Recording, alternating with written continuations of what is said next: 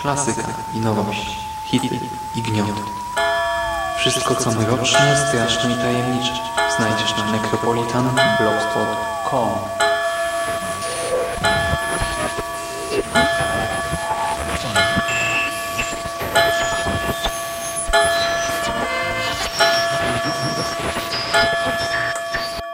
Witam w nawiedzonym podcaście.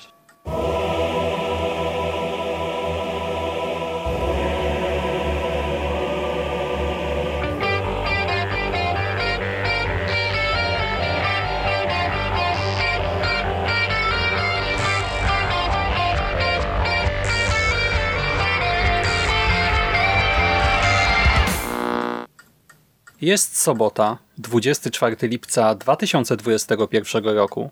Słuchacie właśnie 352 nawiedzonego podcastu na blogu Necropolitan, a po tej stronie mikrofonu witają się z wami ośmionogi Michał Dżeryrakowicz. Witam cię. Czołem Szymas, witam wszystkie słuchaczki, witam wszystkich słuchaczy. Oraz ja, chroboczący w środku, Szymon Szymaścieśliński. Witam również. Kochani, zgodnie z obietnicą e, i też w ramach takiej odpowiedzi na kilka zapytań, które do nas napłynęły w tym temacie, porozmawiamy dzisiaj o debiutanckim zbiorze opowiadań Pawła Matei pod tytułem Nocne.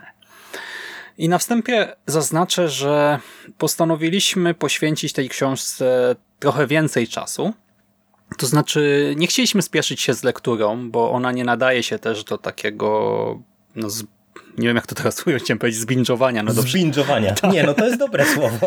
Ja, ja wiem, że to jest zarezerwowane raczej dla mediów audiowizualnych, ale myślę, że to jest dobre słowo do antologii też pasujące. Mhm, no rzeczywiście, tak, no bo to nie jest powieść, tylko zbiór, e, więc e, raczej, e, znaczy można ją pewnie przeczytać przez dwa wieczory. W jeden będzie ciężko, bo to dosyć pokaźna cegła jest, ale my uznaliśmy, że nie będziemy się spieszyć i też z nagrywaniem, że podejdziemy do tego na spokojnie i do tego uznaliśmy, iż podzielimy omówienie nocnych na trzy podcasty, na trzy rozmowy.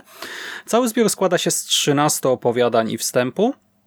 E, wstępu Krzysztofa Grudnika. Dzisiaj zajmiemy się pierwszymi czterema opowiadaniami. Porozmawiamy o nich oczywiście z lekkimi spoilerami, no bo ciężko omówić opowiadanie, nie zdradzając niczego, ale y, no nie będziemy zdradzać szczegółowo absolutnie każdego elementu, omawiać e, zakończenia krok po kroku. Raczej nie i też chyba nie podejmiemy się próby jakiejś ostatecznej interpretacji, e, bo ten zbiór jest dosyć wymagający i trudno tutaj w ogóle pewnie jakąś jednoznaczną, ostateczną e, ocenę, taką właśnie interpretacyjną. Wcześniej opowiemy też sobie oczywiście o osobie autora, o książce jako przedmiocie materialnym, czyli o polskim, e, właśnie polskim, o jedynym wydaniu, a do pozostałych tekstów wrócimy po prostu na spokojnie w najbliższych tygodniach. Mam nadzieję, że raczej szybciej niż później e, i na koniec w tym trzecim podcaście pozwolimy sobie na małe podsumowanie. Hmm. Nocne Matei. Książka ukazała się nakładem wydawnictwa 9 dziewiątki.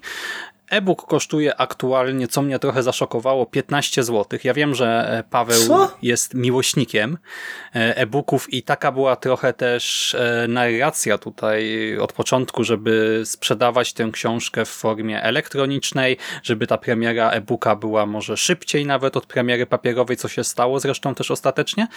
Ale gdy zobaczyłem dzisiaj tę cenę, to byłem zaszokowany, a nagrywamy to dwa dni przed premierą, więc możliwe, że ta cena cały czas jest aktualna. E, oprawa miękka to 32 zł, twarda to 42 zł, 10 zł droższa, e, ale tak jak mówię, to jest naprawdę e, potężna książeczka i trzeba przyznać, że dziewiątka, wydawnictwo Krzyśka Bielińskiego potrafi ładnie wydawać książki. Nie wiem, czy też masz takie odczucie, ale ja mam wszystkie trzy wydania, czyli e-booka twarde i miękkie No i wszystkie prezentują się dobrze, a to wydanie w twardej oprawie wygląda po prostu bosko. E, mamy tutaj śliczną, matową okładkę autorstwa Łukasza Gwiżdża. E, na dole błyszczący tytuł i o dziwo to jest ciemna okładka, a nie jest podatna ani na zarysowania, ani na odciski palców. To znaczy, e, no można ją pewnie zarysować tak, jak ktoś będzie chciał. Ja jej tego mojego wydania jakoś mocno nie maltretowałem, ale mam wrażenie, że ostatnimi laty te ciemne okładki często e, są ładne, dopóki właśnie nie wrzuci się ich do plecaka e, czy torby, czy dopóki się po prostu ich nie weźmie w ręce, bo zostają te właśnie ślady takie jakby tłuste czy coś, a tutaj z tym nie mamy do czynienia. E, wnętrze zresztą też jest super, bo mamy wyklejki. Na przedniej wyklejce jest ilustracja Julianny Matei. Chyba, jeżeli się nie mylę, to znaczy nie mylę, no, to, to moja interpretacja, e, ona chyba przedstawia scenografię pierwszego opowiadania, e, miasto właśnie z tego pierwszego tekstu. Na tylnej wyklejce zaś znajdziemy e, nie wiem jak to ująć, no, takiego Spidermana powiedzmy autorstwa George'a de Mauriera i ta pozycja w wydaniu w twardej oprawie ma 431 stron. E, więc e, no dużo. E, I też dopóki Jerry się nie wcina, to jeszcze dodam, że to co mi się od razu rzuciło w oczy to fakt, że tekst jest dość mocno zbity, bo na dzisiejsze standardy ta czcionka, ten krój no nie jest jakoś szczególnie wielka, nie jest zbyt rozdmuchana ta książka e, i to nie utrudnia czytania absolutnie, nie? To nie o to chodzi, ale po prostu na tle standardów rynkowych e, byłem trochę zdziwiony, e, bo i interlinie, i marginesy, i wszystko jest takie, jakie być powinno, ale właśnie nie za duże. E, nie wiem, nawet Nisza czy Hallard, e, Hard, e, które wydają w miarę cienkie książki, e, jak tak na szybko porównałem z tym, co miałem pod ręką, no to tam czcionki są trochę większe, a na standardy Pruszyńskiego to nocne by miały chyba z tysiąc stron. No to prawda, to prawda. Ja ci powiem, że to może nie powinienem się do tego przyznawać, ale w sumie nie, czemu nie? Ja do tej pory z książkami dziewiątki miałem do czynienia albo w e-bookach, albo w audiobookach, tylko i wyłącznie. Teraz po raz pierwszy e, przy okazji właśnie premiery nocnych e, stwierdziłem, że kupię wersję papierową, no bo na e-booku mi się Paweł nie podpisze. E, a przy tej okazji kupiłem od razu jeszcze inną książkę, też w papierze. No i ja jestem bardzo zadowolony ze sposobu wydawania tych książek. Naprawdę, ja uważam, że te wszystkie przymioty, które wymieniłeś, to jest raz, ale dwa, że nawet mi się podoba wizualnie ta książka w środku, wiesz, to jak są mhm. umiejscowione, e, jest umiejscowiona numeracja stron, jak to wszystko się prezentuje właśnie tak pod kątem takiej przyjemności czytania, to jest super rzecz i tak jak e, pewnie nadal raczej będę inwestował w e-booki, no bo u mnie tak to ostatnio wygląda, to myślę, że jeżeli ktoś lubi takie, wiesz, wizualne zabawy, no to E, myślę, że naprawdę warto jest inwestować w te, te książki właśnie, e, które są wydawane w e, twardych oprawach właśnie szczególnie właśnie pod tych różnych pułkowców, no bo to i nie, i nie tylko dziewiątka przecież robi to, Phantom Press Books też to robi, Dom Horroru też z tego co pamiętam te książki w ten sposób często wydaje,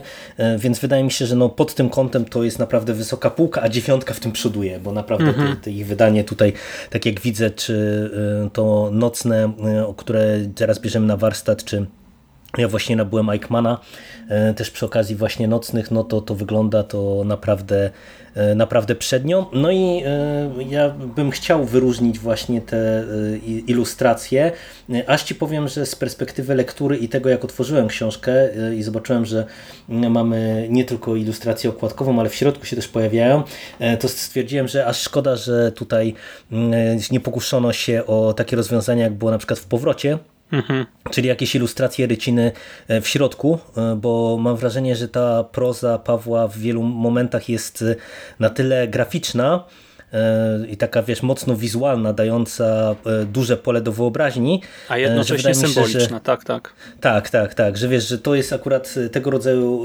literatura, która właśnie, tak jak to było w przypadku powrotu z jakimiś takimi rycinami, rysunkami, mogłaby się sprawdzić bardzo dobrze, a poza tym jakkolwiek głupio by to nie brzmiało, no to ja od dawna jestem fanem ilustracji w książkach i naprawdę od lat ubolewam, że po prostu w książkach dla tak zwanych dorosłych w literaturze pięknej nikt raczej nie stosuje ilustracji. No, szkoda, szkoda, bo ja naprawdę bardzo lubię, a w antologiach uważam, że to jest akurat taka naturalna forma, nie? No bo to wiesz, można grafikę zrobić jako przerywnik na przykład pomiędzy opowiadaniami czy coś w tym stylu, więc mhm. No, więc to by było super, ale to odchodzę trochę od tematu. Generalnie wydanie najwyższej próby, tym bardziej, że o tym nie wspomniałeś, ale też w dziewiątce w ramach przedsprzedaży można było zgarnąć pocztówkę. E, z ilustracją okładkową mhm. E, można było zgarnąć zakładkę i one też e, jakościowo, wizualnie się prezentują bardzo dobrze, co też stanowi bardzo fajny smaczek, bo u mnie zakładki, pomimo tego, że się pojawiają często, to raz, że ja ostatnimi czasy czytam, wiesz, po kilka rzeczy naraz, bo tu komiks, tu książka, tu coś innego, a dwa, że mi dzieciaki kradną, więc ja też lubię tego rodzaju gadżety dostawać, bo po prostu, wiesz, na bieżąco zawsze mam od razu, nie muszę szukać szukać e, starej zakładki, tylko ciach, nowa idzie do środka już można czytać, nie? Mm. Teraz e, mam zagwostkę, bo się zastanawiam, e, gdzie podziałem moje zakładki. Czy już je schowałem e, do miejsca, gdzie kolekcjonuję zakładki, czy może gdzieś tutaj leżą? Jeszcze mi w nocy wejdą do gardła, czy coś, trochę wiesz, strach. Ale tak, no, no. E, no to wydanie e, wygląda jak jakaś ekskluzywna książka, nie wiem, kurczę, e, nagradzanego pisarza. Taka. No. Były też przecież wpisy ze strony Pawła, także no to jest ekskluzywna książka. Mm -hmm. Od razu masz z autografem autora, więc. A więc właśnie, to... bo Jerry, ty masz dedykację?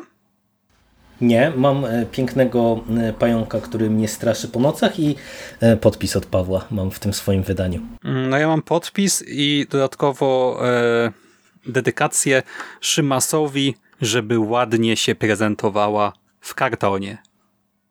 Badumc. No nie wiem, czy to nie jest najpiękniejsza y, spersonalizowana dedykacja, jaką mogłeś otrzymać. Hmm, a wiesz, to jest zabawne.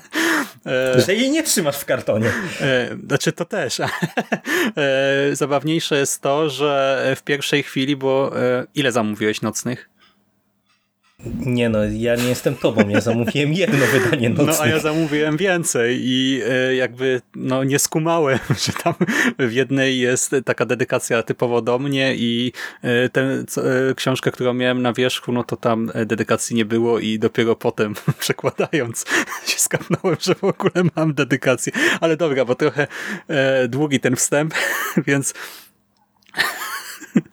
o, więc wstęp, więc wstęp Krzysztofa Grudnika możesz e, ruszyć, jeżeli masz ochotę. Nie, nie, nie, jeszcze o samym Pawle trzeba wspomnieć, bo A, no to dobrze, no to jedziesz. My znamy Pawła, bo spotkaliśmy się wszyscy e, i na żywo, i na konwentach, ale też współpracowaliśmy w ramach Carpe Noctem.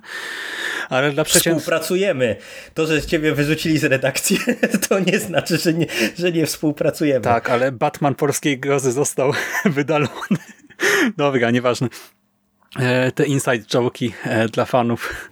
Tak, tak, o przepraszam, już, już się powstrzymam. Tak, e, w każdym razie Paweł nie jest osobą taką, która wzięła się znikąd, tak? która trafiła właśnie na rynek literatury grozy zawsze za przeproszeniem z ulicy, albo jeżeli nie z ulicy, no to jednak, która była zupełnie w tym środowisku nieznana. Nie, Paweł jest głównym promotorem na przykład Biblioteki Grozy, czyli serii wydawniczej od wydawnictwa C&T, E, prowadzi fanpage tej serii na Facebooku i zwyczajnie też jest fanem klasycznego literackiego horroru, jest bardzo oblatany w tej materii. E, dodatkowo e, jako redaktor serwisu Carpe Noctem liznął też sporą dawkę współczesnej grozy, zarówno krajowej, jak i zagranicznej. Debiutował teraz, ja trochę będę strzelał, chyba 7 lat temu w pierwszej polskiej antologii Weird Fiction. Czytał Wojtka Gunie, zanim to było modne. Zresztą całe Carpe Noctem czytało Wojtka Gunie, zanim to było modne. Nawet ja sięgnąłem po Wojtka Gunie, zanim to było modne, a ja zazwyczaj mam duże opóźnienia z czytaniem. Do tego Paweł interesuje się jogą, medytacją, gnozą, UFO, sektami, legendami miejskimi, creepypastami, w tym szczególnie wielbi sobie czarnookie dzieci Hatmana. A poza tym e, nie jest filologiem, tylko skończył Polibudę i w sumie to pracuje w, w branży IT. I e, właśnie krótko mówiąc, e, ma wszelkie predyspozycje po prostu, by tworzyć ciekawe historie grozy i przy tym uniknąć e, klątwy pisarza kreującego bohaterów pisarzy, bo to też jest taka trochę rzecz powracająca, mam wrażenie. I w Polsce i na świecie e, nie. U Pawła e, bohaterowie są bardziej zróżnicowani i ta jego e, erudycja pewnego rodzaju, jeżeli chodzi o literaturę, wypływa w tym zbiorze. I to tutaj czuć i nie mówię tego jako kolega, tylko jako czytelnik, który był zadowolony właśnie z tego, że no Paweł tutaj stanął na wysokości zadania pod tym kątem. Chcesz coś dodać, czy nie, nie, nie. No pięknie Pawła przedstawiłeś. E, tak stwierdziłem na początku, że e, powinniśmy pewnie dać disclaimer, że e, nie będziemy tutaj Pawłowi słodzić po znajomości, ale myślę, że każdy, kto słucha naszych podcastów wie, że my jesteśmy raczej szczerzy i bezlitośni, więc to nam nie grozi taka, mm -hmm. taki nepotyzm, więc w sumie to możemy jechać dalej. Nie no, będzie bez... szczerze, niestety, bo trochę wstyd potem będzie, ale nieważne. Tak, jeżeli chodzi o przynależność gatunkową, no to jesteśmy w nekro, e, mówimy więc o horrorze, ale Ogólnie trudno jest jakoś tak jednoznacznie i precyzyjnie e, zaklasyfikować, e, zakwalifikować ten zbiorek. Na podsumowanie oczywiście całości jeszcze przyjdzie czas, bo my też nie skończyliśmy jeszcze lektury. Dzisiaj może zaznaczymy tylko, że dużo tutaj weirdu, ale jednocześnie Paweł jak gdyby nie ogranicza się do takiego weirdu w najprostszym rozumieniu e, tego słowa, e, tej konwencji. tak. Poszczególne teksty są jednak zróżnicowane i treściowo, i formalnie. I to, na co trzeba się nastawić przed lekturą, to swoista nielinearność, niedookreśloność, niejednoznaczność. To jest groza, tak? Zostają podważone prawa naturalne, jest ta rysa na rzeczywistości, zostaną zagrożone podstawy egzystencji bohaterów, poznanie okaże się niemożliwe wielokrotnie. E, jest to literatura nietypowa, e, nie każdemu to podejdzie, no fanom Weirdu na pewno, tak, e, jasna sprawa, ale no, mam nadzieję, że nawet ludzie, którzy niekoniecznie właśnie siedzą w tego typu literaturze, jakoś tam poczują się zaintrygowani i dadzą szansę, bo ten zbiorek na pewno jest ciekawy i na swój sposób wyjątkowy. No on jest przede wszystkim bardzo różnorodny. Mm -hmm. To e, tak na wstępie, e, jeżeli szukamy punktów e, łączących wszystkie te opowiadania, to jest e, w sumie nawet dla mnie, pomimo tego, że ja czytałem już niektóre wcześniejsze teksty Pawła, no bo e, on e, przez te 6-7 lat od debiutu pojawiał się w różnego rodzaju antologiach, więc można było już się z jego tekstami zapoznać. Ale, mm, ale nie wszystkimi, bo są tu też teksty nowe. Ale nie wszystkimi, tak, tak. Tutaj jest sporo tekstów premierowych, a z tego co chyba nawet we wstępie e, gdzieś tam było zasygnalizowane, czy może Paweł to u siebie na fanpage'u mm, pisał, to nawet te, które, te teksty, które już były wcześniej wydane, one często mm, podlegały jeszcze jakiejś tam redakcji, mhm. E, teraz do zbioru. Mm, natomiast e, to, co dla mnie jest absolutnie wielką zaletą tego zbioru, to jest właśnie różnorodność.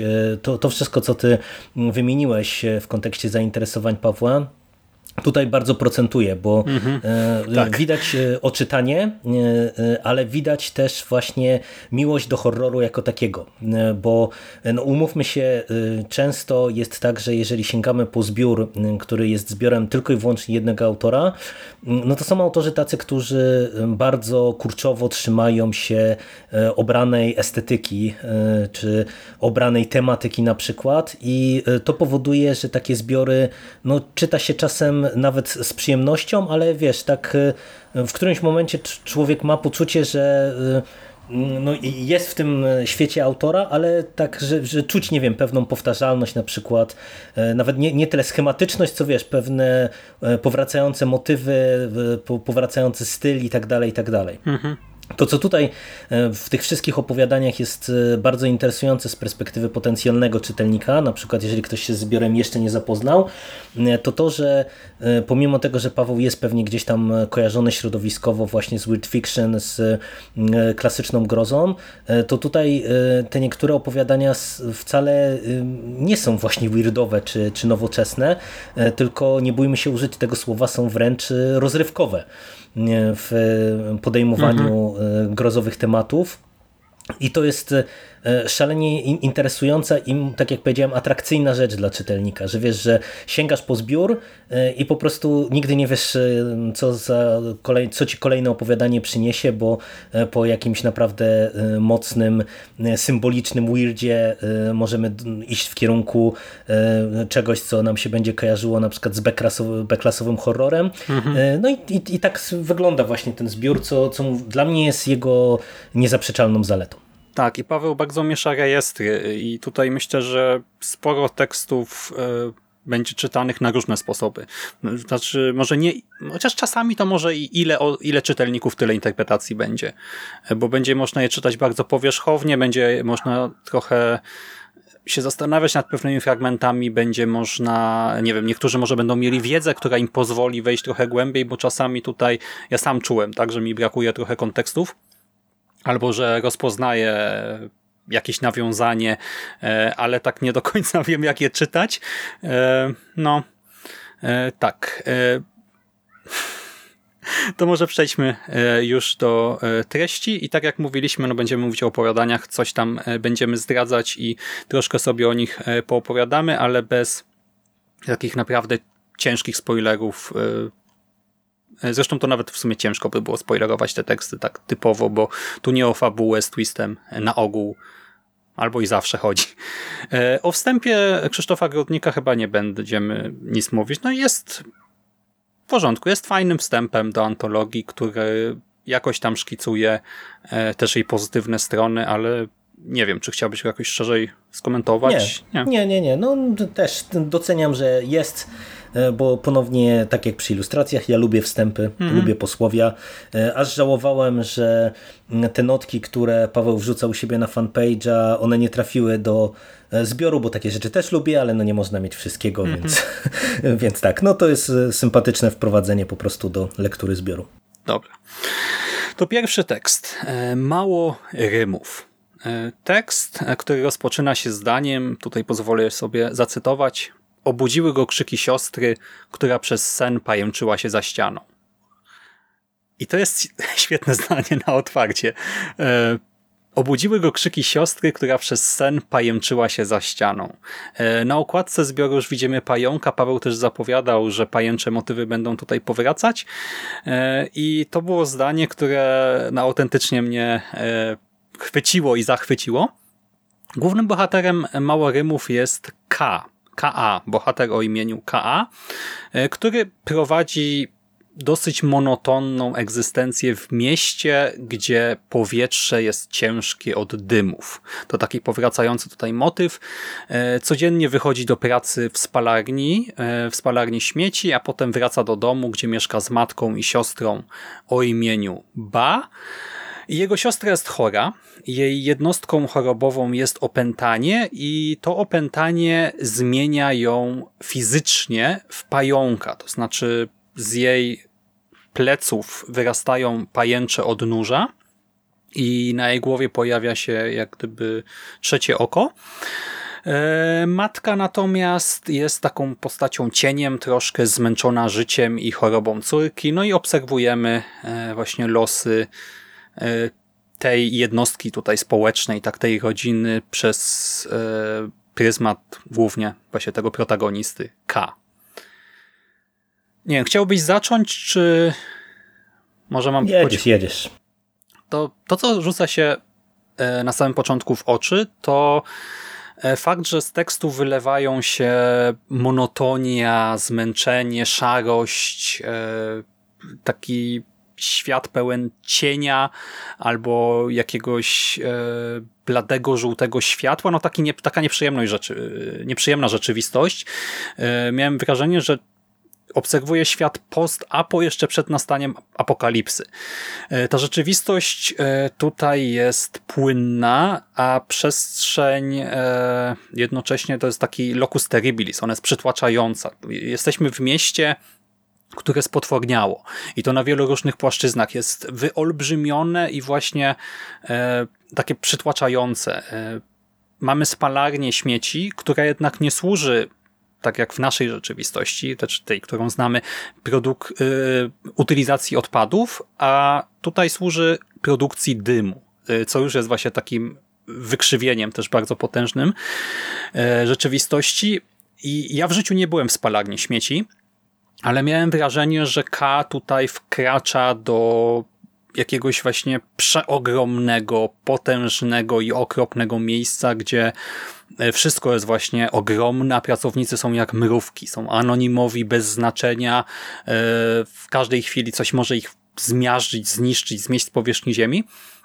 E, do tego mamy piece tutaj buchające takimi jęzorami ognia, które strasznie mi się kojarzyły z animacjami dla dzieci, nie? Z bajkami, które oglądałem gdzieś tam w dzieciństwie, z jakimiś Looney Tunes, czy nie wiem, myszką Miki, e, która tam, nie wiem, na przykład była palaczem w pociągu, czy też w jakiejś tam fabryce, e, a to skojarzenie też jest e, o tyle ciekawe, że K jest dla mnie takim trochę dorosłym dzieckiem, bo jest e, bezradny troszkę w tej swojej egzystencji, jest też otępiały poznawczo. On e, no nie ogarnia tej rzeczywistości wokół niego, jakby nie dorósł do pojęcia pewnych rzeczy. E, rozumie wszystko w taki jak gdyby trochę prosty sposób, co też wpływa na narrację. Tak? Ten tekst e, na start nie rzuca nas na taką głęboką wodę od strony narracyjnej, bo widzimy wszystko oczami e, tego bohatera, który wielu rzeczy nie rozumie, ale też e, jednocześnie e, to nie jest taki głupiec, głupiec, którego winimy, tak, za to, że sobie tutaj nie radzi, nie rozumie tego wszystkiego, bo ten świat rozpada się tak jakby dosłownie i w przenośni i też zarówno na jawie, jak i we śnie. Do tego jeszcze jakby tego wszystkiego było mało, facet jest zamknięty w pewnej pętli, mam wrażenie, e, bo ta jego codzienność jest przerażająca, tak? Właśnie ta praca i dom. E, w domu e, obserwuje tę pajęczą siostrę, w której żyje demon i tę zmęczoną matkę i właśnie ten obraz przemienionej siostry już jest upiorny, a gdy dowiadujemy się, jak działa terapia w tym świecie, jak działa leczenie opętania, które polega e, między innymi na po prostu przywróceniu ludzkiego ciała, to jest w tym wypadku na obcięciu tych dodatkowych odnóży, no to e, no trudno nie poczuć e, takiego dyskomfortu głębokiego i jeszcze wszystko się tutaj powtarza. Tak naprawdę gdyby nie ta pętla, no to e, można by ten początek trochę odczytać, jak e, tak to wszystko spłycić, jak odczytać jako jakąś wizję ćpuna czy coś takiego, ale nie, to się tak nakręca, nakręca i no, mamy takie witamy w piekle trochę. W dodatku, znaczy ja tak powiedziałem pętla, ale w sumie się zastanawiam teraz, czy to nie jest nawet bardziej spirala, bo to jest właśnie takie męczące, nieprzyjemne, a pod koniec jeszcze E, zbliżamy się do jak gdyby do tego centrum spirali, to zapętlenie zostaje zwielokrotnione, przestrzeń potwornieje jeszcze bardziej, rozrasta się, zamienia się w labirynt i to taki z najgorszych koszmarów. Do tego czas się rozciąga i psuje, e, otoczenie się zaczyna multiplikować jeszcze, no po prostu mamy ontologiczny koszmar do potęgi Entej. Paweł pojechał e, no tutaj bardzo mocno. No i i może przejmij pałeczkę na moment.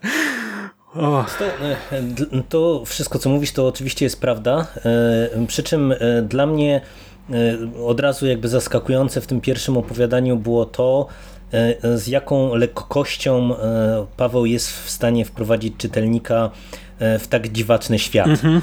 No bo problem jakby takiego szaleństwa w, przy krótkiej formie jest to, że no, nie masz zbyt wiele czasu na ekspozycję, na wyjaśnienie prawideł rządzących światem, mhm. E, tylko no, musisz e, w kilku e, krótkich zdaniach, w kilku jakichś tam motywach przedstawić funkcjonowanie tego świata. A ten świat jest o tyle mm, paradoksalny czy zadziwiający, że mm, w sumie ty poniekąd nie wiem na ile świadomie, na ile nieświadomie, nawet na pierwszy plan wyciągnąłeś miasto y, i ten, ten koszmar y, związany z tymi spalarniami śmieci i tak dalej, i tak dalej, mhm. Y, co jest, co może być jakby paradoksalne z perspektywy tego, że właśnie no teoretycznie tym trzonem opowiadania jest ta relacja rodzinna, to opętanie, tylko to jest ta normalność tego świata. W tym sensie, tak. że zadziwiające jest to, że mm, w zasadzie tutaj mamy do czynienia z y, jakimiś właśnie dziwnymi opętaniami, bo to, to nie jest tylko tak, że ta siostra właśnie jest opętana, tylko tak jak nawet powiedziałaś, e, to po prostu jest pewna jednostka chorobowa w tym świecie i ludzie z tym normalnie żyją, normalnie funkcjonują, nawet w zaawansowanym stadium. E, te pierwsze stadia można leczyć, tych, tych dalszych już niespecjalnie, ale to nie jest coś, co jest przerażające dla... Samo w sobie dla bohaterów. Tak, tak. tak samo to jest jak wampir fantasy, że to po prostu istnieje w świecie. No. Tak, tak. I wiesz, i to jest o tyle intrygujące, że e, już w tym pierwszym opowiadaniu e, Paweł naprawdę potrafi nieźle straszyć. W tym sensie, że e, w tych niektórych opisach funkcjonowania tej siostry, jej zachowań, tego, te, tych dyskusji z demonem, bo tutaj mamy przecież rozmowy mm, już nie tylko jakby z siostrą, tylko właśnie z demonem, który stopniowo mm, przejmuje kontrolę. Czasami nie wiemy z kim właśnie, co też jest Tak, czasami na, nawet nie wiemy z kim. Mamy tutaj też kilka krwawych scen i to jest tak, wiesz, tak stricte horrorowo e, mrożące krew w żyłach, ale właśnie z drugiej strony paradoks cały czas jest ten sam, czyli że to jest ta normalność, mhm. bo ta, ta druga warstwa, czyli te, to wykrzywienie tego świata, mm, to mi trochę kojarzyło się z e, tymi opowiadaniami Ligotiego z tego jego cyklu korporacyjnego, mhm. bo tutaj e, pomimo tego, że nie mamy do czynienia teoretycznie z korporacją, tylko mamy do czynienia z takim funkcjonowaniem w świecie takim industrialnym, czy jakimś takim postindustrialnym, no to właśnie tutaj ja miałem wrażenie, że to, to ten koszmar właśnie, ten, tej powtarzalności, ten koszmar takiego niezrozumienia funkcjonowania tego świata, generowania pewnych rzeczy tylko i wyłącznie po to, żeby, żeby coś wytwarzać jakby bez y, jakiegoś celu, bez, mhm. bez sensu tak naprawdę, no to to jest właśnie coś, co do mnie bardzo trafiało właśnie w tych opowiadaniach Ligotiego i tutaj udało się Pawłowi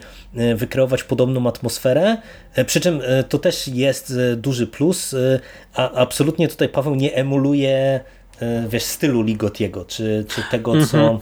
Ale to jest... jak Ligotti pisze, nie? Mm -hmm. Bo, bo to, ja, to, to, chciałbym podkreślić, bo wiesz, bo w którymś momencie ja mam wrażenie, że e, w Polsce bardzo dużo e, pisarzy się no, mocno tak zachłysnęło Ligottim i wiesz, i, i zdarzały się takie teksty, które po prostu no, były takim trochę kopiuj w klej, nie? Tak, tak. tak, takim naśladownictwem. I to wiesz, to one to często były dobre teksty, nie? To, to ja nie mówię tego pejoratywnie, Dlaczego to były często no, dobre no, tak, teksty, tak, mhm. ale, ale wiesz, ale chodzi o to, że po prostu mm, tutaj e, udało się wykreować e, podobny klimat, ale e, zupełnie mam wrażenie innymi środkami, w trochę zupełnie inny sposób niż to, co Ligotti robi na przykład w swojej prozie. Mhm, ale w ogóle nie wiem, czy masz takie wrażenie, ale nie wiem jak to teraz ująć, żeby to zawsze ująć jakoś precyzyjnie, ale i zrozumieć, ale mamy tutaj jak gdyby taką nie wiem, erudycyjną eklektyczność, to znaczy Y, nie wiem, jak czytałem niektóre fragmenty już tego pierwszego tekstu, nie? No to tak momentami myślałem sobie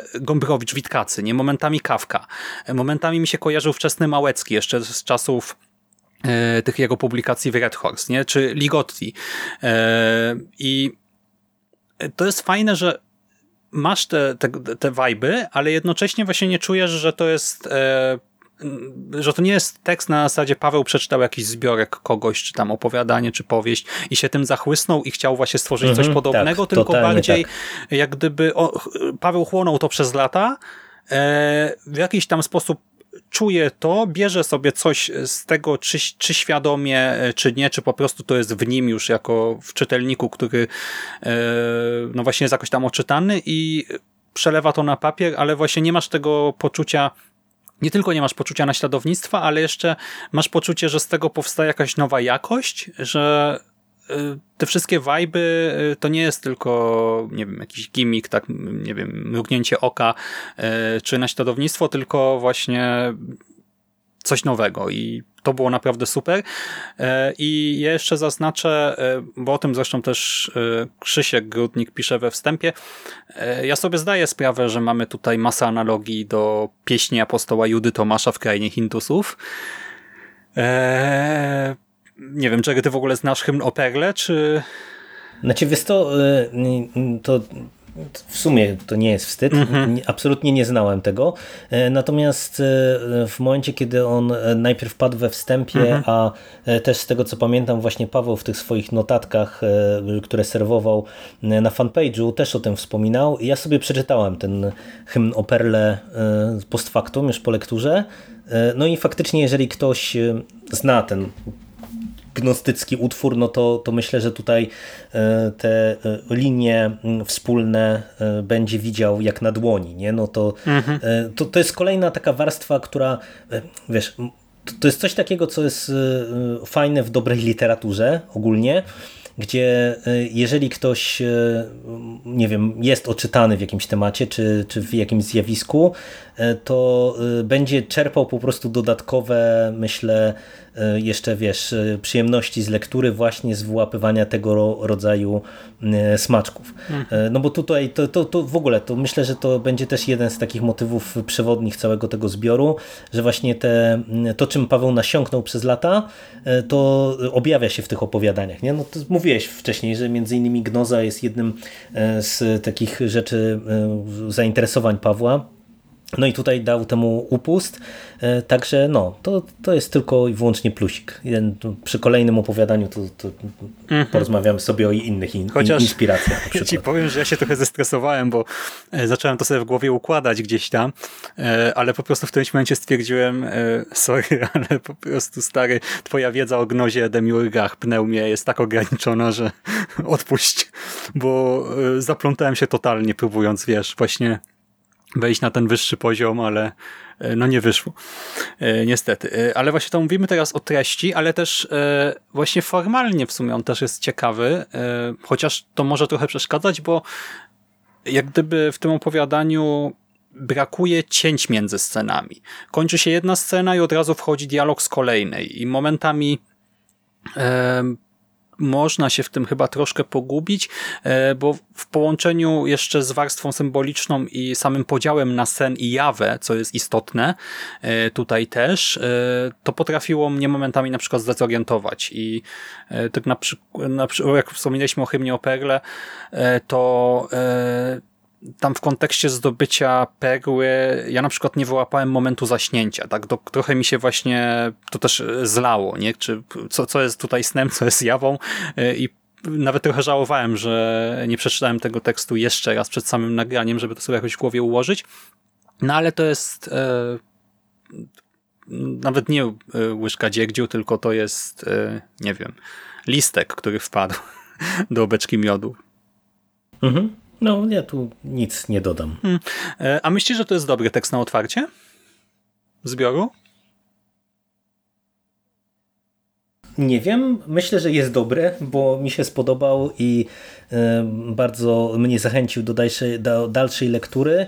E, przy czym ale to w sumie też może być plus. To, to nie jest łatwy tekst jakby na mhm. E, otwarcie zbioru, bo szczerze mówiąc to z perspektywy e, tam około połowy zbioru, bo ja mniej więcej tyle przeczytałem na ten moment, e, to myślę, że można było otworzyć go dużo prościej, czy w dużo bardziej soczysty mhm. sposób, a tutaj tak.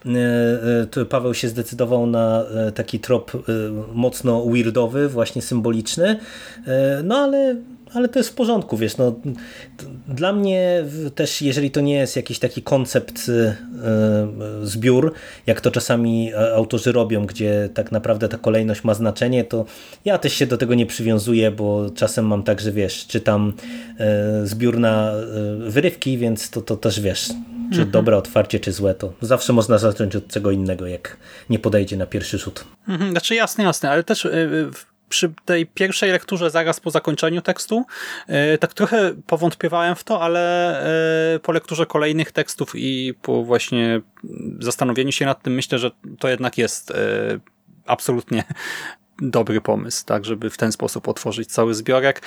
I to, że on jest bardziej wymagający, no to cóż, no cały ten zbiór jest bardziej wymagający, tak, od przeciętnej takiej typowej antologii grozy, więc przynajmniej jesteśmy uczciwi, nie, z czytelnikiem. Dobra, to teraz zupełnie inny tekst. Ktoś powinien coś z tym zrobić. W ogóle tytuły też tutaj są genialne w tym zbiorze. Tutaj też plusik ode mnie e, za tytuły. Ktoś powinien coś z tym zrobić. Króciutkie opowiadanie o pracowniku hotelowym na wieczornej e, czy może nocnej e, zmianie w hotelu, w którym jeden, znaczy w hotelu, w którym w jednym z pokoi od kilku godzin szczeka pies, a że zbliża się noc, no to jak mówi tytuł, ktoś powinien coś z tym zrobić. I to jest doskonałe opowiadanie z tych wszystkich, które e, póki co przeczytałem, e, naprawdę ten tekst mnie e, totalnie zachwycił. To ono jest bardzo proste, bo tak jak w zasadzie streściłeś to opowiadanie, no to, to powiedziałeś wszystko, co teoretycznie tutaj dostajemy. Teoretycznie, tak. Mhm. Tak, teoretycznie, ale sposób w jaki to jest wszystko podane i przede wszystkim narastająca spirala zagrożenia, jakiejś takiej niepewności, e, niepokoju, jakiegoś takiego lęku, e, powiedziałbym nawet, takiego wiesz, właśnie nawet nie tyle strachu, mhm. takiego atawistycznego, tylko takiego jakiegoś dziwnego e, lęku egzystencjalnego, jakiegoś takiego niepokoju, który narasta, to uważam, że to jest naprawdę coś fenomenalnego, co się tutaj Pawłowi udało zrobić. Mhm. Bo w zasadzie od pierwszych linijek E, od razu ma się wrażenie, że coś tu jest bardzo nie tak. Już ten tytuł zwiastuje, że coś jest nie tak, e, ale wiesz, od samego początku e, tu jest niby wszystko w porządku, to jest niby taki no, kolejny wieczór właśnie w jakimś tam smutnym hoteliku, ale no ja autentycznie y, miałem coś tak, taką gęsią skórkę od, od samego mhm. początku obcowania z tym tekstem, że y, no, autentycznie się bałem, do czego to nas doprowadzi. No i się nie zawiodłem, bo ten finał uważam, że jest y, kapitalny. On mhm. jest mocno dziwny, on może być dyskusyjny i myślę, że części czytelników on się nie spodoba, ale no, ja jestem całościowo zachwycony. Naprawdę, to jest doskonały tekst. Tak. E, I teraz trochę precyzując to wszystko, o czym mówisz, e, podoba mi się już sama warstwa językowa, mm -hmm, nie wiem, imiona totalnie. bohaterów. Bohaterowie to Dodo i Kuku.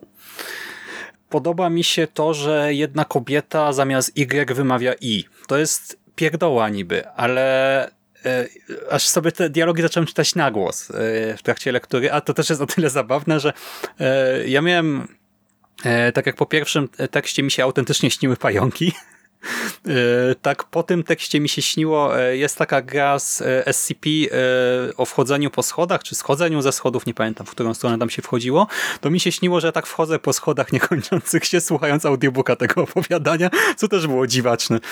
I potem jeszcze aż miałem schizę, bo zastanawiałem się, skąd ja wziąłem audiobooka, nie? bo potem mi się zaczęło mieszać, że może rzeczywiście tego słuchałem, przecież nie ma audiobooka niestety nocnych, ale nie, niech powstanie, bo e, też fajnie pewnie będzie tego słuchać. W każdym razie mamy tę właśnie specyficzną e, kobietę, e, mamy bardzo fajny sposób opisywania szczekania psa. Ja tutaj może nie będę tego cytował, e, ale świetnie Paweł właśnie prezentuje to szczekanie psa, które e, jest takim, nie wiem, no jak wybijaniem zegara, które zwiastuje zbliżanie się tego nieuniknionego końca i e, tym razem na przykład przestrzeń w tekście już nie jest aż tak wynaturzona jak miasto w Nie ma rymów. Tak naprawdę na pierwszy rzut oka, no to to jest, tak jak powiedziałeś, no po prostu jakiś tam smutny hotelik, ale e, gdy bohater wchodzi tam na czwarte piętro do tego psa, e, no to ja się czułem jakbyśmy, nie wiem, schodzili w głąb piekła trochę, tak? Bo to, no, no, bo to... dokładnie. Klimat jest gęsty po prostu tak, że nożem można kroić. Mm -hmm. I to nawet nie jest tak, że ten hotel to jest jakaś speluna, jakiś taki bieda hostel czy coś takiego, ale po prostu panuje tam tak ciężka atmosfera, jakbyśmy, nawet to, to skojarzenie z tym piekłem, taki fragment, który niby jest bez znaczenia, który jest gdzieś tam na marginesie, ale e, pojawia się e, w którymś momencie e, mikroscenka z kilkulatką, która mimo nalegań matki nie chce wejść do jednego z pokoi. No i dziewczynka tam płacze, powtarza, że nie, nie, nie, a matka prosi, tak, by jednak weszła, musisz tam wejść, musimy tam wejść, musisz się położyć, coś tam. I to jest, to wygląda jakby można było to wyciąć zupełnie, bo my do tego znaczy wracamy na sekundę dosłownie, ale jak gdyby to nie ma wpływu na bohatera naszego. E, my nie znamy panicz, e, tego powodu panicznego lęku dziewczynki, nie znamy powodu zawstydzenia matki. Bohater mija kobiety i tyle, a ja ci powiem, że e, ja miałem w ogóle jakieś ciężkie skizy po tym fragmencie. Ja po prostu miałem takie interpretacje tych wydarzeń. Po prostu widziałem tam najgorsze rzeczy już oczyma wyobraźni. I to jest chyba taki najmocniejszy moment gdzieś z boku e, w tle i e, jeszcze e, ta cała podróż bohatera ja to czytałem dwojako jak gdyby, a może i trojako. Nie wiem jak to liczyć nawet, bo teraz się śmieję, ale to jest taki trochę wentyl bezpieczeństwa, śmiech paniczny, bo czytałem to trochę jak tekst o prokrastynacji, o odwlekaniu czegoś, o moim doktoracie, szczerze mówiąc. I y, o tym, jak to się kończy. Ale też, y, znaczy ja się teraz śmieję, ale to autentycznie było stresujące. Y, to było takie nieprzyjemne w odbiorze dla mnie. Z drugiej strony, jako tekst o wypieraniu czegoś w podświadomość, bo bohater też tutaj e, doświadczył e, bardzo konkretnych wydarzeń. On e, też jest właśnie zmęczony całą swoją egzystencją, ale ma ku temu też wyraźne powody i jednocześnie nie wiem, czy to można wydzielić, czy to właśnie trochę się z tym, trochę się to z tym wiąże, jako taki tekst o klimaksie, nie? o eskalacji właśnie, o, bo tak jak powiedziałeś, o, o, ponownie o spirali. Nie? Dochodzimy do centrum i, i coś pęka. Hmm. No, no, dokładnie tak. A do tego e, tutaj e, no, czuć to, co ja powiedziałem też przy okazji Małorymów, e, jak szybko i jak umiejętnie Paweł jest w stanie budować sceny, wprowadzać postaci i jakby tak generować klimat pożądany z jego strony, bo tutaj mamy małe scenki, jak na przykład się pojawia ten klient jednej z pań mhm. chociażby, no to przecież to jest też tak e, jakby niepokojąca scenka. Teoretycznie to jest taka sekwencja, którą my e, wielokrotnie widzieliśmy pewnie w kinie, gdzie, gdzie mamy e, właśnie jakąś tam panią lekkich obyczajów, już nie pierwszej młodości, jakiegoś klienta, który, który się z nią spotyka ale przez taką plastyczność, którą jeszcze tam we wstępie poruszyłem, to ja miałem wrażenie, że to jest wszystko takie takie trochę na granicy rzeczywistości, nie? Mhm. Że, że wiesz, że w każdej tej sekwencji jest coś takiego niepokojącego, że wiesz, że mhm. ten gość, tu, tu mu koszula wystaje na przykład ze spodni, e, tu coś wydaje się przekrzywione właśnie, tutaj ktoś e, płacze, kto nie powinien e, i to, to wszystko buduje nam niesamowity klimat i właśnie generuje to napięcie, plus tutaj też jest bardzo fajny patent z tym telefonem, E, od e, dziewczyny naszego głównego bohatera, mhm. gdzie my wiemy od początku też, że doszło do, e, pomiędzy nimi do jakiejś stysji, no i ona go tam przez ten telefon męczy trochę na zasadzie takiej, żeby mm, mu już wynagrodzić jakby to, co się tam wydarzyło. My nie wiemy, co to jest. I, I cała ta rozmowa telefoniczna w zestawieniu wiesz, z tym światem tego hoteliku, e, to też jeszcze dla mnie była dodatkowa jakaś warstwa taka e, generująca niepokój, bo e, no, my się w sumie tam nie dowiadujemy chyba nawet. Dowiadujemy się. Do czego tam to do, doszło, tak w szczegółach. no, no dowiadujemy się, okej, okay, to już to, Później, to już tak, ale właśnie no. i dlatego a propos, nie powiem o co chodzi, ale to też jest fajne, że w gruncie rzeczy, jeżeli ktoś by to czytał tak zupełnie powierzchownie, e, to zobaczy po prostu opowieść o, nie, może o szaleństwie na zasadzie o gościu, który ma dość. E, że przelało się e, to, to wszystko negatywne w jego życiu i trochę mu odwaliło w którymś momencie i tyle. I będzie miał prosty tekścik gatunkowy i też może być zadowolony, nie? A jak ktoś będzie chciał zobaczyć coś więcej, to też bez problemu sobie to tutaj odnajdzie. Mhm. I to nie na siłę, tylko po prostu też na wyciągnięcie ręki to ma. Tak, tak. No bo mówię, no dla mnie te, te, sam ten patent był też świetny, bo przecież teoretycznie to jest też e, element taki, którego by mogło nie być. W sensie, wiesz, no, całej tej rozmowy by mogło nie być pewnie, która się toczy w tle. Można by ograniczyć to właśnie już tylko i wyłącznie do tej e, jednej lokacji, do tej jednej takiej długiej sekwencji w hotelu, ale, e, ale myślę, że ten tekst byłby od razu też uboższy właśnie, gdyby mhm. go tego pozbawić, nie? Także, no, no nie, ja już naprawdę więcej nic nie dodam. No kapitalny tekst po prostu. Okej, okay, zgoda to e, przechodzimy do sadystycznego, masowego mordu. I znowu sam tytuł, nie? Patrzysz i sobie myślisz, wow, sadystyczny, masowy mord. E, w mieście, e, w którym dzieje się akcja, doszło do sadystycznego, masowego mordu. E, jeżeli dobrze pamiętam, to 52 osoby, w tym dzieci, a nawet niemowlęta, zostały publicznie zaszlachtowane, okaleczone, pozbawione kończyn i tak przez grupę zamaskowanych postaci. No i to się po prostu stało, tak? Pewnej nocy żyje tym cały świat, więc tym bardziej lokalsi. I w tym opowiadaniu powracają Dodo i Kuku. Ale właśnie powracają i nie powracają, bo e, bohaterowie mają te same imiona, ale są jakby inni, jakby z innej strony e, innej struny multiversum, bo akcja tekstu raczej nie rozgrywa się ani przed, ani po tym poprzednim tekście. E, I Dodo i Kuku tutaj reprezentują dwa podejścia do tej tragedii. Dodo pragnie zapomnieć, Dodo to mężczyzna, pragnie zapomnieć o całej sprawie, a Kuku, e, jego partnerka, e, chce dowiedzieć się o niej jak najwięcej, co ściągnie na nią kłopoty. A oboje e, żyją w realiach takich no, niemalże covidowych, bo w mieście panuje teraz godzina policyjna po tym właśnie masowym mordzie, jest taki swoisty lockdown, więc no, możemy poczuć się jak w domu. Czarny humor. tak. No, te inspiracje covidowe e, są wyraźne i Paweł w wywiadzie, który e, Agnieszka Brodzik na Karpenoktem z nim przeprowadziła, też o nich wprost mówił, więc ten, mm, ten trop jest jak najbardziej e, słuszny. Natomiast to, co dla mnie było kapitalne w tym tekście, ponieważ tutaj ja będę miał trochę uwag ze swojej strony do mhm. niego, do, do samej końcówki głównie, E, natomiast e, to, co dla mnie jest absolutnie wspaniałe w tym tekście, to są dwie rzeczy.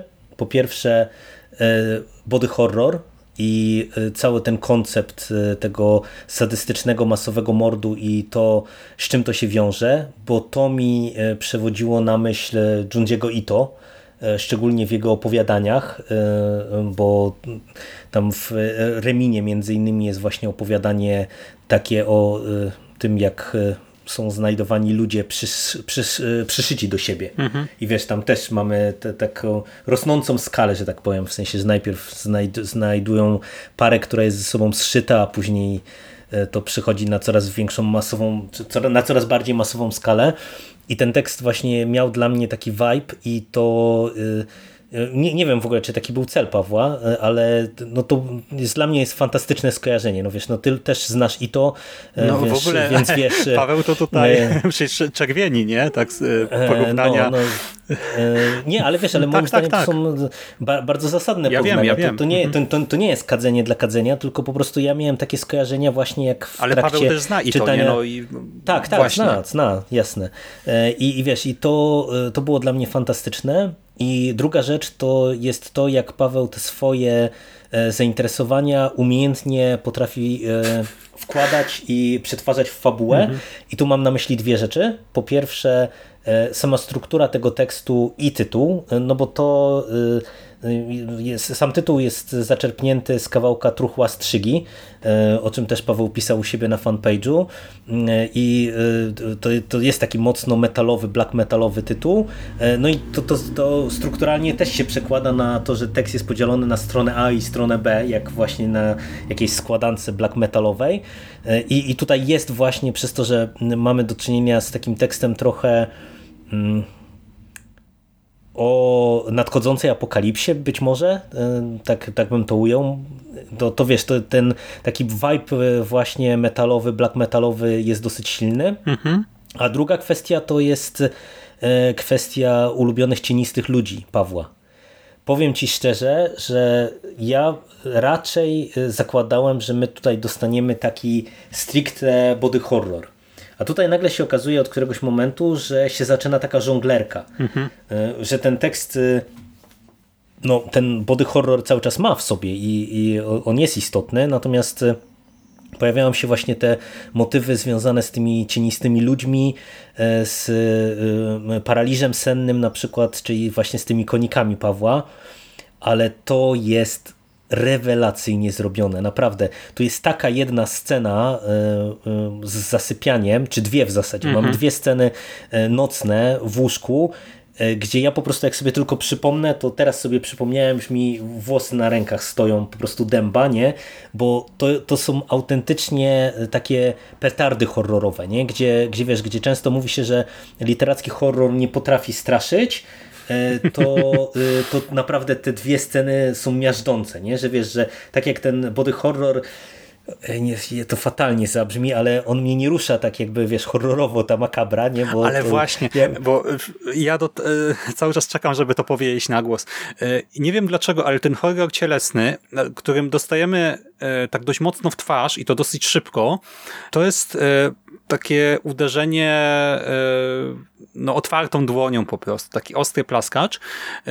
On E, szokował mnie skalą, nie? W sensie, że e, rzeczywiście tutaj Paweł opisuje... Skalą i pomysłowością. Tak, ale jednocześnie e, to nie on mnie przerażał w tym tekście, nie? Tylko bardziej po pierwsze ta taka groza epistemologiczna, bo no, nikt nie no rozumie, no tak, co się stało, dlaczego, tak? Kto to zrobił, jak to zrobił, dlaczego i tak dalej. Ten brak znowu Wytłumaczenia. kompetencji poznawczych był tym, co przerażało, a potem pojawiła się E, e, ta, pojawili się, pojawił się ten paraliż senny, powiedzmy tak, e, upraszczając to. I no to było właśnie straszne, bo dodatkowo Paweł to, jak to teraz ubrać słowa, ta, ta scena, bo to, to się tam pojawia kilkukrotnie, nie, ten wątek. Za pierwszym, za drugim razem właśnie działa najmocniej i to jest opisane tak Plastycznie. Plastycznie, ale też tak, że bohater tak do końca nie wie, co się stało, e, co jest absolutnie logiczne tutaj, e, ale e, on niby nie opis, nie mamy takiego opisu, że on mówi, że byłem mega przerażony, czy coś takiego. On jak gdyby nie, nie mówi jakoś bardzo dużo chyba o swoich emocjach wtedy nawet, nie? Nie, nie, nie, no ten, bo te opisy są takie To jest tak jakbyśmy stali plastyczne, z boku, ale, ale informatywne. Tak. Takie wiesz, takie, że one bardziej działają na czytelnika nie tym, że postać e, się boi, czy postać jest, nie wiem, obrzydzona, czy odrzucona, czy cokolwiek innego, mhm. E, tylko właśnie tym, że my jesteśmy trochę y, tak, y, podawane to jest nam na, trochę jak tako, taka czysta karta, że to, to te emocje mają u nas się pojawić, nie? Mhm.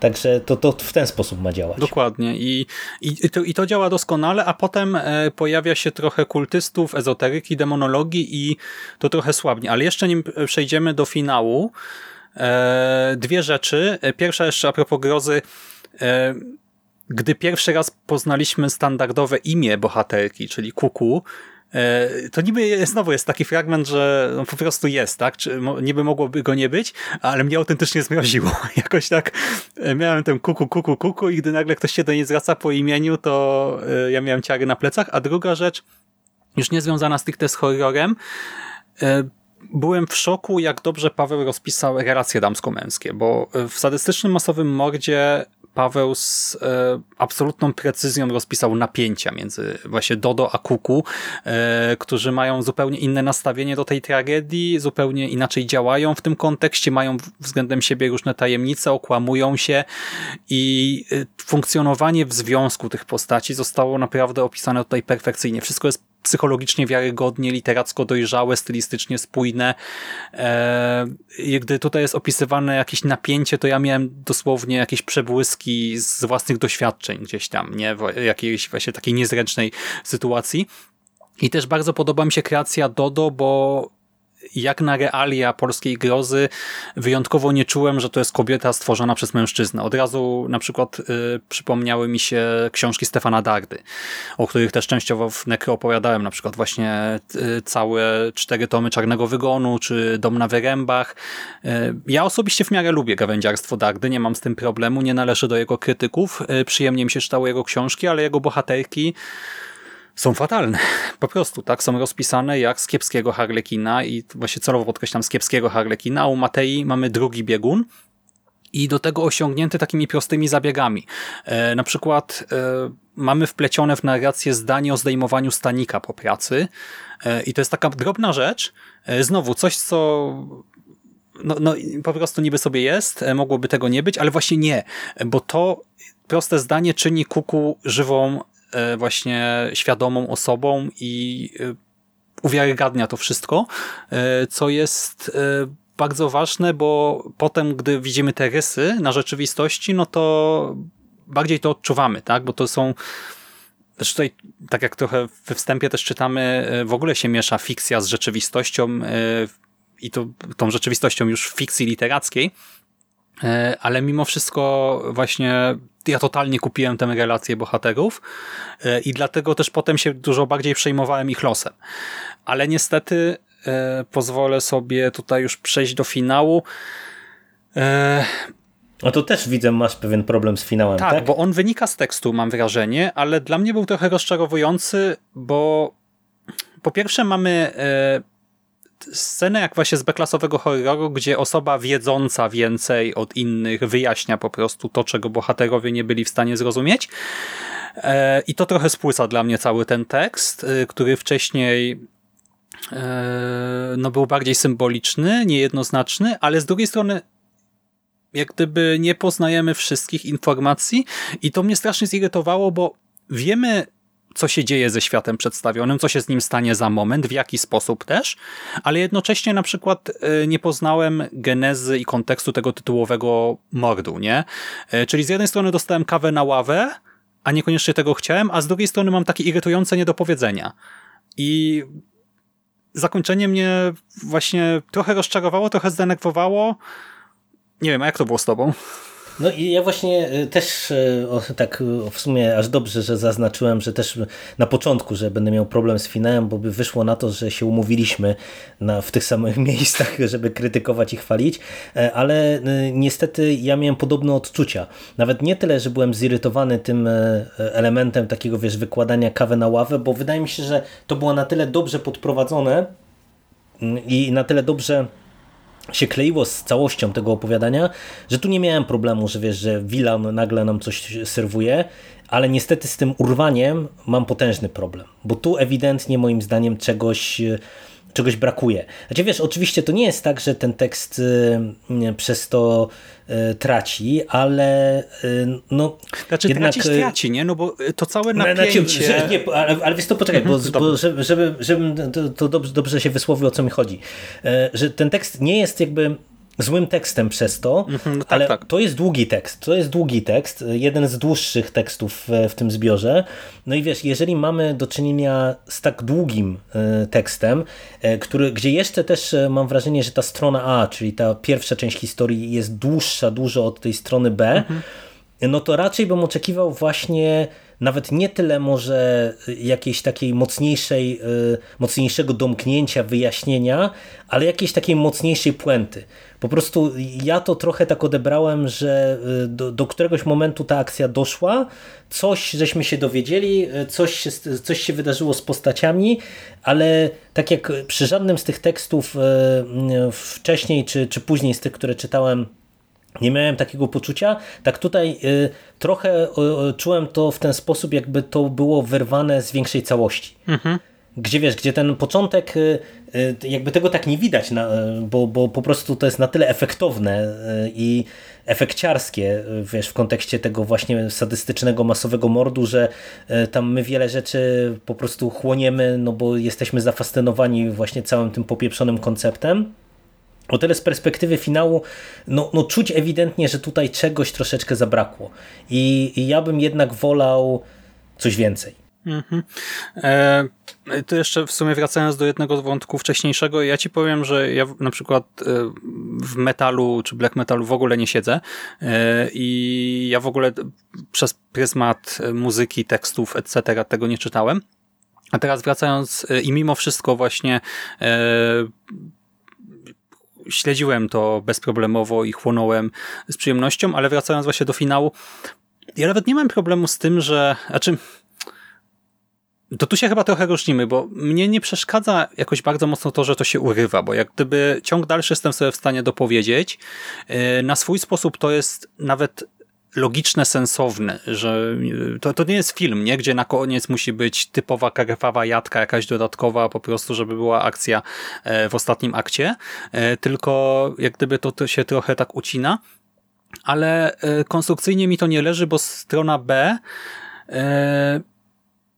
to jest krótki okres czasu, który tak, jest no, mocno rozciągnięty. Jest tak, tak. E, I tak naprawdę tam się niewiele dzieje ostatecznie, bo e, los Kuku został e, jak gdyby wyjawiony wcześniej. Mamy foreshadowing dość mocny tam e, w tym, co ona gdzieś tam w tych jej monologach wewnętrznych, przemyśleniach które prowadzą właśnie do tego finału. No i w zestawieniu z tym, co Wilan mówi, nie? E, tak, a do tego e, tam też na przykład pojawia się wątek jednego innego bohatera o imieniu P, który się pojawia i on nie musiał się pojawić, to jest taki trochę zapełniacz, filler tutaj, e, który niewiele wnosi i e, samo urwanie nie jest problemem, ale to, jak to jest konstrukcyjnie rozpisane, sprawia, że to urwanie czuć.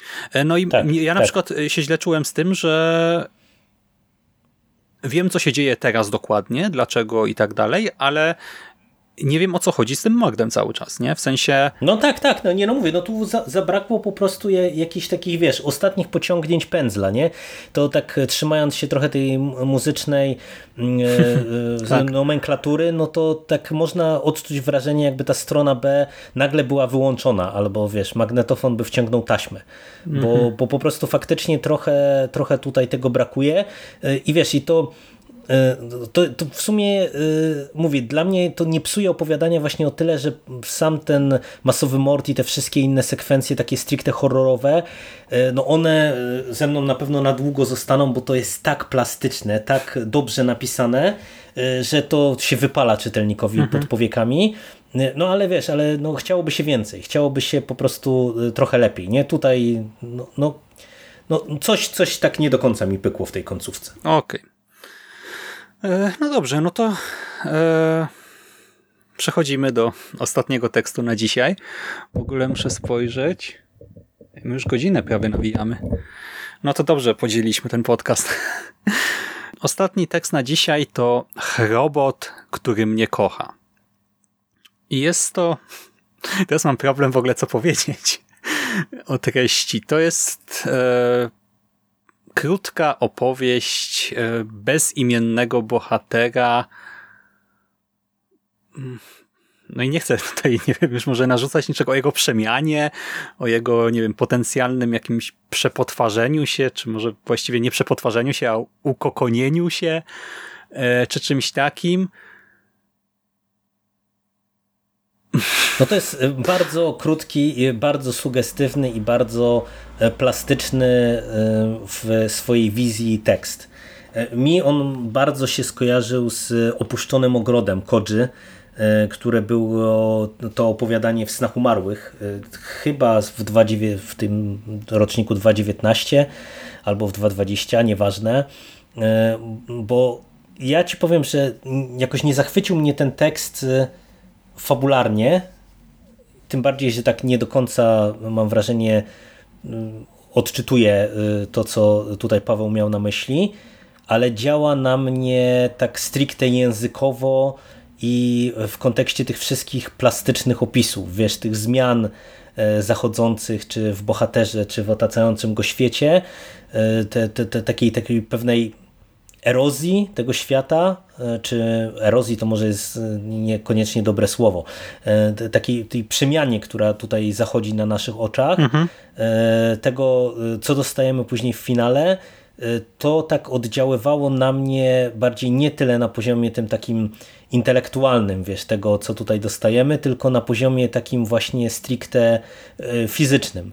Co w sumie było ciekawym doświadczeniem, bo e, powiedziałem przed chwilą, że ten sadystyczny, masowy mord e, działał na mnie bardziej tak, wiesz, właśnie trochę na, na zasadzie efekciarstwa, a, a tutaj taki teoretycznie właśnie wyciszony tekst bardzo tak graficznie, wizualnie do mnie, do mnie trafił. Nie? Także no, to jest zupełnie inne opowiadanie od tego, co dostaliśmy. No znowu wracamy do tej różnorodności, o której e, powiedzieliśmy gdzieś tam e, przy okazji wstępu. No skrajnie, skrajnie inny tekst od, od tych, które dostawaliśmy wcześniej. Tak. Nie wiesz, co powiedzieć. Nie wiem, co powiedzieć. Y to powiedz, jak ci się podobało na tle właśnie e, poprzednich tych opowiadań. No bo to jest jednak e, zupełnie inna forma, e, w sensie i krótsza, ale i też formalnie ten tekst też jest zupełnie inny, bo tutaj tak, bo mamy to jest do, taki do czynienia monolog, z takim, opowieść, no właśnie, z, dokładnie, z monologiem, pierwszy raz, nie? z takim tak. intymnym tekstem w zasadzie. Mhm. Mm, znaczy, wiesz, od strony konstrukcji zbioru i tego i właśnie znowu zmiany i też w ogóle z samego faktu, że mieliśmy dłuższy tekst, krótszy tekst, dłuższy tekst, krótszy tekst. Świetne, świetna budowa, konstrukcja, tak, ale, ale ja mam też trochę problem z tym tekstem. Tylko, że nie potrafię teraz tego sprecyzować do końca. Ja go nawet sobie odświeżyłem, ale Hmm. Wiesz co, może może ujmę to tak, że nagromadzenie e, tutaj sensów i e, fakt, jak bardzo skondensowany jest ten tekst, e, jakby tak nie wiem, wypisać wydarzenia, o których bohater tutaj mówi, czy też doświadczenia, to trochę tego jest wydaje mi się, że staje się trochę mniej przystępny. Jak gdyby... Hmm. No nie czuję go no, do końca. No, no nie, no ja to samo ci powiedziałem, że no tak intelektualnie on nie do końca do mnie trafia, bo ja mówię, nie, nie do końca czuję, co Paweł tutaj chciał e, powiedzieć. Ale on działa na mnie jak obrazek. No prostu. co chciał powiedzieć, tak, że nie wie, czy życie w ogóle istnieje. No. E. Nie no, myślę, że to jest akurat taki tekst, który paradoksalnie, choć krótki, to moglibyśmy się spierać, bo ja go inaczej trochę odebrałem, jeżeli już w takie e, tony uderzasz, mój drogi przyjacielu, ale e, no ale niemniej, tak jak mówię, no to jest, to jest też jakieś tam osiągnięcie, że właśnie no tak, mówię, tak wizualnie na mnie to zadziałało. Mhm. Dosłownie jak obraz, jak, jakbym widział, jakbym, jakbym czytał obraz co mi się rzadko zdarza. Tak, e, tylko że właśnie ten, bo początek jest taki, nie? I ja też tak początkowo się trochę zachłysnąłem, że tak o fajnie, jak gdyby nawet nie tyle... E, wiesz co, nawet powiem więcej, to nie jest jak czytanie obrazu, tylko to jest jak czytanie kina 4D. E, bo mhm, tak, no, w sensie no, ja nie tylko widzę, ale ja słyszę, ja czuję zapach, ja czuję dotyk. Nie, że autentycznie ten tekst mnie zalał bodźcami, ale potem po tej fali bodźców e, przyszły inne rzeczy e, i ja się tam totalnie gubię. Ja dostaję te bodźce, czuję, że jestem tam e, z tym, chciałem powiedzieć podmiotem lirycznym, tak, tym bohaterem, ale potem e, zostaje, dostaję infotainment, e, właśnie nie infotainment, dostaję, e, no, no, zostaję zalany informacjami i sensy mi się rozmywają właśnie. Niestety i, i te bodźce, te wcześniejsze bodźce takie zmysłowe bardzo też niestety przestają do mnie docierać trochę. No dobra, no to nie, nie będziemy myślę się tutaj rozwijać, bo to opowiadanie to jest przerywnik pomiędzy dwoma chyba najdłuższymi tekstami w zbiorze. Mm -hmm. Więc to, to I ono jest na dzisiaj koniec. króciutkie, nie? Ostatecznie, tak, nie? Ja... 8, 8 stron chyba, jeżeli dobrze pamiętam. Hmm, tak. Tak. No dobra, no to e, na dzisiaj wystarczy. Jak słyszycie, zbiór jest na pewno ciekawy.